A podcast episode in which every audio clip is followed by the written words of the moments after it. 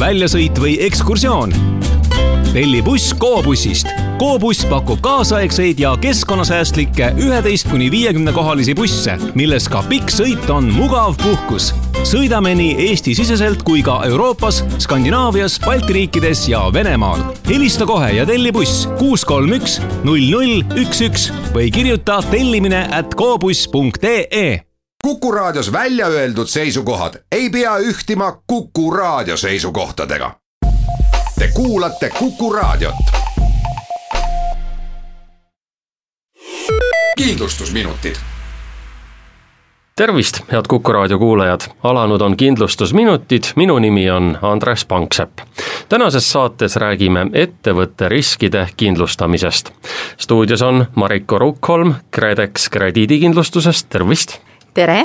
ja Deniss Nikolajev PTA kindlustusest. tere! millised on ettevõtte peamised riskid, mille vastu on võimalik kindlustada? number üks riskid, mille peale tuleks mõelda, on äh, reeglina ettevõtte varadega seotud riskid. et ehk siis hooned, hoonete siseviimistlus, hoonestes asuvad seadmed, kaubad, rajatised, mida siis äh, tasuks siis kindlustada vähemalt äh, valitud riskide vastu, tuli, vesi, loodusõnnetus, vandalism või siis äh, võtta varakindlustus kogu riski vastu, mis äh, siis on kaetud põhimõtteliselt kõik, mis ei ole tingimustega välistatud. ja viimasel ajal on ka Eestis juba trendiks kujunemas mis mujal Euroopas on satelliittoode varakindlustusega, on ärikatkestuse riskikindlustus. kui varakindlustusriski saabumisega katkeb äritegevus, on võimalik ära kindlustada ettevõtte ärikasumi ja püsivkulusid. on võimalik äh, leppida ka täiendavaid äh, võimalusi, riske, et kui näiteks äh, seoses kindlustusjuhtumiga te ei saa tootmist jätkata ühes hoones, siis saab ära kindlustada ka kolimiskulud kõrvaltsehhi näiteks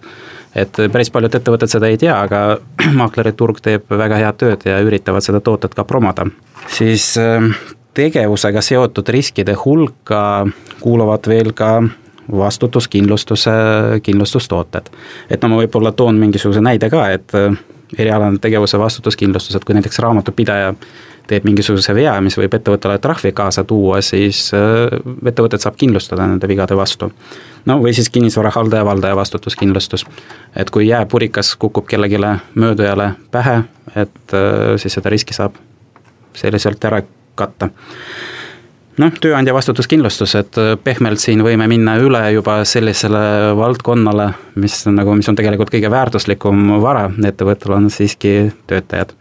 et äh, tööandja vastutuskindlustus on nagu siin nagu selline esimene ja tähtis, mille peale võiks tähelepanu pöörata. täiendavalt veel võib-olla tooks ka õnnetusjuhtumi kindlustuse, et kui näiteks töötajaga koha peal juhtub äh,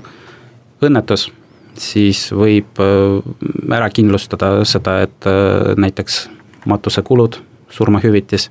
reisikindlustus on ka nagu seotud tegelikult ettevõtte äh, riskide kindlustamisega, kui teie töötajad reisivad palju, siis on võimalus ära osta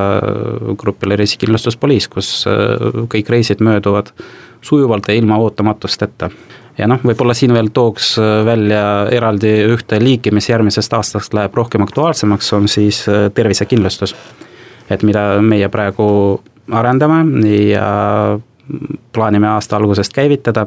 et noh, kõik me teame, kui pikad järjekorrad arstide juurde praegu on, et siis võib-olla see oleks abiks ja tööandja täiendava boonusena ka võimalik ära kasutada. eraldi on meil veel äh, olemas äh, finantsriskide kindlustuse liigid, et kui näiteks äh, ettevõttel on vaja ehitamise puhul ettemaksugarantiid või tööde teostamise garantiid,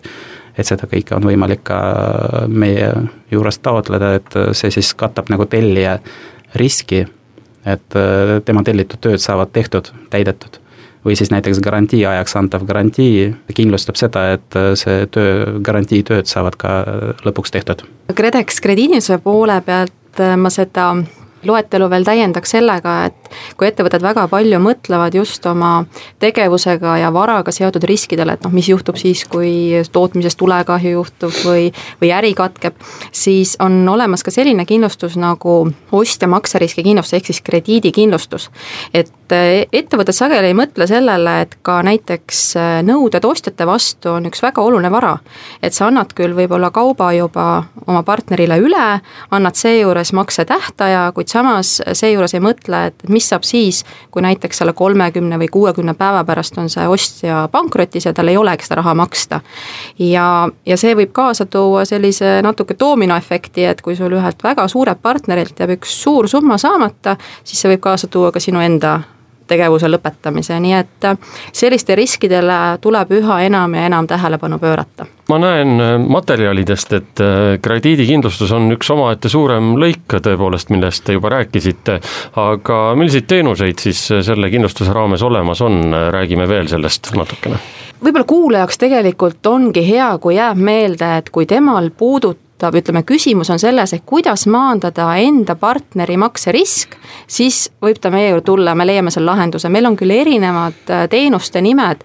ja see on sel põhjusel, et kus siis meie kliendiks võib olla ka näiteks pank. Kui pank näiteks finantseerib mõnda tehingut, eksporditehingut ja soovib ka enda jaoks selle laenu andmisega võetud riski maandada välisostjale siis eksporditehingu raames, siis on tal võimalik täpselt samamoodi kasutada krediidikindlustust, et seal me vaatame siis lihtsalt, äh, kuidas see alustehing seal äh, välja näeb. nii et jah, niipea kui ükskõik, kas see risk on üks päev, üks kuu, üks aasta, kümme aastat, siis äh, ütleme, müüja võtab selle riski, et kas ta selle raha siis õigeaegselt saab. Ja see on täiesti kindlustatav risk siis meie abiga sellistele eksportööridele, kes alles alustavad, neil on alles esimesed tehingud, siis meil on täna välja töötatud selline lahendus, kus nad väga lihtsalt lähevad meie kodulehele, panevad oma partneri andmed sinna sisse, saavad juba teada, mis on selline hinnanguline kulu ja kui sealt saab, tuleb positiivne otsus, siis tal on juba lihtne müüa. meie vaatame päevas, ma usun, et meie, läbi meie analüütikute üks viiskümmend, kuni viiskümmend otsust päevas. et kus me siis vaatame ostja tausta, ütleme jah, see on näiteks usaldusväärne, kui ütleme ei, siis minu jaoks, ettevõtte jaoks on see üks hea indikaator, et võib-olla ma peaksin küsima hoopis ettemaksu mitte andma oma kaupa järelmaksu tingimustel, näiteks kolmekümne või kuuekümne päeva pärast, et Äh, ta teeb enda jaoks selle elu kindlasti lihtsamaks, et äh, valib välja just need õigsed partnerid. ettevõtte kindlustus on niisugune komplekstoode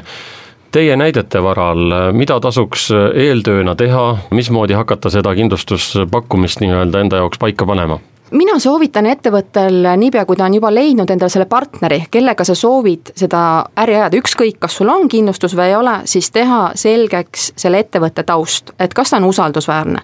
järgmine samm on kindlasti leping et äh, tihti küsivad ettevõtted, kas mul siis peab olema leping äh, jah, põhimõtteliselt võid sa ka teha pakkumise, teine aktsepteerib ja kõik on hästi, aga praktika näitab seda, et seda lepingut on vaja, kui asjad lähevad äh, kehvasti aga iseenesest kindlustuse küsimine on juba väga lihtne. meil on vaja selle partneri nime, registrikoodi ja siis me teeme juba selle töö ise, vaadates tema tausta, omanikke, finantse ja ütleme siis äh, ettevõtjale, et jah, see ettevõte on igati usaldusväärne, soovime teie koostööle edu, või siis toome välja, et ei, pigem müü talle ettemaksuga või siis vaata täiendavaid tagatisi, mis siis ostja võiks pakkuda. Eesti turul tegutseb väga erineva suurusega ettevõtteid ja mõned nendest ei pane tähelegi, kui äh, mõni tehing äh, lükkub edasi, teistele samas on see väga oluline ja nii-öelda päeva küsimus äh, edasiste maksete osas ja nii edasi, mis see teie kogemus ütleb või mõni näide ütleb, milline on see ettevõte, keda on just nimelt see ettevõtte riskide kindlustamine aidanud taolisel puhul? siin võib kindlasti tuua sellise näite, et äh, sellised ettevõtted, kellel kasumimarginaalid on suhteliselt madalad, peaksid kindlasti selle peale mõtlema või noh, üleüldiselt tegelikult ettevõte peaks mõtlema, et mida tähendab minu ettevõtte jaoks näiteks tuhandeeuriline kahju, kümnetuhandeline võib-olla mõnda ei kõiguta ka sada tuhat. et ühesõnaga teeb endale selle selgeks, sest et noh, toon siia ühe sellise väikse arvutusnäite. kui ettevõtte kasumimarginaal näiteks on viis protsenti ja ütleme, et siis näiteks äh, kümme tuhat jääb laekumata siis selleks, et see nii-öelda saamata jäänud raha nüüd tagasi teenida, siis ta peab kakskümmend korda rohkem müüma et, et kõik see kahju taha, tasa teha. ja noh, mida, mida väiksemaks see marginaal jääb, seda, seda rohkem peab tööd tegema, nii et äh, mõelgem siin selle koha peal. Te olete kindlasti väga palju saanud tagasisidet ettevõtetelt, mida küsitakse teie käest selle ettevõtete riskide kindlustamise kohta, millised on niisugused levinumad teemad, mida uuritakse teie käest? Noh, kui meie juurde tullakse, siis ikka paneb muretsema ilmselt see ostja taust ja, ja see, et see ettevõte on uus, aga samas ma enda poolt võin öelda, et äh, tegelikult, kui me vaatame just seda kahjude poolt, siis ei saa öelda, et uute ettevõtetega juhtub. et äh, pigem meie oma praktikas saame öelda seda, et äh, vanade partneritega juhtub, sellepärast et ilmselt on see seal küsimus ka selles, et unustatakse selline valvsus ma võin siin tuua ka mõned sellised huvitavad kahjunäited, et kunagi oli meil üks selline juhtum, kus me noh, kolm aastat oli kõik, koostöö sujus, kõik oli kena, kui ühel hetkel öeldi, ütles ostja, et ups, et äh, ma jään nüüd aasta lõpus jään natuke maksetega hiljaks, et mul juhtus selline asi, et mul on tule, oli tulekahju ja aga noh, kõik on korras, meil siin teine kindlustusselts on kõik kenasti varad ära kindlustanud, aga noh, selle asjade lahendamisega läheb aega. no mõtlesime siis, kõik on tore, et ju siis sujub kõik edasi, aga siis läks natuke mööda ja tuli selline asi, et oli teine tulekahju ja vot siis oli niimoodi, et see varakindlustusselts algatas seal äh, sellise menetluse, et võib-olla on tegemist süütamisega. ja noh, muidugi sellised protsessid võtavad ikka päris kaua aega, et selgeks teha, et mis siis tegelikult juhtus. ja noh, selle ajaga siis juba teised tarnijad vaatavad, et kuidas ma ikka annan oma kaupa, et kas ma sealt raha saan ja kas ta veab välja, et ehk siis meie jaoks see lõppes niimoodi, et selle ettevõttele maksime selle kahju välja, meile pärast sealt natukene veel tiksus, aga see, kuidas ta nüüd jääb ellu või mitte, see on veel nii-öelda natuke tuleviku teema. Mis selle kindlustuse hind siis on, kui palju maksab ettevõtte riskide kindlustamine? krediidikindlustuse puhul siin peab alati vaatama nüüd seda, et näiteks, et kus see ostja asub, et meie riikide ampluaa ikka on väga lai, et võib siin kindlustada kodumaist Eesti ostja riski, aga samas võib ka siin väga eksootilised riigid, näiteks Uus-Meremaa, noh riskantsematest võtame Vietnam, Hiina, mida küsitakse ka aeg-ajalt. Ja ja mul loomulikult maksetähtaeg, et, et on vahe vahel, kas me räägime kolmekümne päevast või me räägime aastast. aga võib-olla see, kuna selline Eesti ettevõtte tüüpiline müük on siiski selline kolmkümmend, kuuskümmend päeva maksetähtajaga, siis ütleme noh, näiteks, et võtame ja võtame näiteks Euroopa suuna, siis ma arvan, et noh, sõltuvalt ka siin ettevõtte käibe suurusest, aga ma toon siin kuskil sellise suurusjärgu null koma kaks kuni null koma viis, ilmselt sinna vahemikku käibe kohta see siis jääb. ja kindlasti on see oluliselt odavam kui see võimalik kahju, mis siis võiks nagu realiseeruda. no kui me räägime siin, et ettevõtte nii-öelda varariskide kindlustamises, siis äh, on olemas jah oma tariifid, aga nad on väga ütleme nii, et seinast seina, et puidutööstused on nagu ja õl-, naftaterminalid on üks asi ja siis tavalised tagasihoidlikud kontorid, kus suurt riski ei ole, need lähevad teise tariifiga. Ei saa päriselt öelda, et meil on kindel hind kõigile, et see kõik suuresti sõltub ka kliendist ja objekti suurusest ja ka sel, sel objektiga kaasnevast riskist. Teil on palju kogemusi, kui ettevõtted tulevad ennast riskide vastu kindlustama, mis nõude neile annate, milliseid vigu on tehtud, mida saaks vältida? Ei no iga nii-öelda kindlustussuhe algus on korrektselt täidetud avaldus. et ehk siis me palume klienti täida avaldust või kliendi esindajal esitada meile riskiinformatsiooni, et millega tegu on ja siis no loomulikult äh, kõik need ettevõtte kohta käiv informatsioon ja sealhulgas ka objekti kohta käiv informatsioon, et ruutmeetrid, turvanõuded, signalisatsioonid, et ehitusaasta, et see kõik peab korrektselt olema välja toodud, et me saaksime võimalikult täpse pakkumuse kliendile koostada, no või siis see, mis tegevusega seotud, et siis peavad olema välja toodud ka tegevusalad ja tegevusalade proportsioonid, et kui ettevõte näiteks tegeleb ehitusega, siis meil oleks hea ka teada, et mida ta täpselt seal teeb, et kas ta laob tellistest müüri või teeb tuletöid kuskil katusel, et risk on erinev ja selleks, et õige hinda anda ja õieti seda hinnata, ongi kõige asja aluseks korrektselt edastatud informatsioon taotluse näol. kui kindlustusperioodi jooksul peaks midagi muutuma, siis meil äh, alati on äh, nõue, et klient peab meid informeerima, et kui ta on oma tegevuse kardinaalselt muutnud, siis me peame ka vastavalt äh, õiged märked poliisile tegema, et see kõik oleks kaetud. Minu soovitus võib-olla ettevõtetele oleks see, et nad mõtleksid selle teema peale siis, kui asjad on hästi, ehk siis antud juhul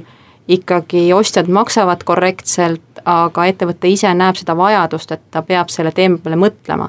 et vahel me näeme selliseid ettevõtteid, kes tulevad, kui juba ongi hilinemised, aga noh, ma usun, et nii nagu varakindlustuses ei taha keegi põlevat maja kindlustada, siis ei saa meie ka neid ostjaid kindlustada, kes juba on võlgu, nii et et me saame koostööle kaasa aidata ikka läbi selle, kui ostjad on korrektsed ja me saame seda koostööd toetada ja kui siis midagi juhtub, see on siiski nagu enneolematu ja, ja selline juhuslik risk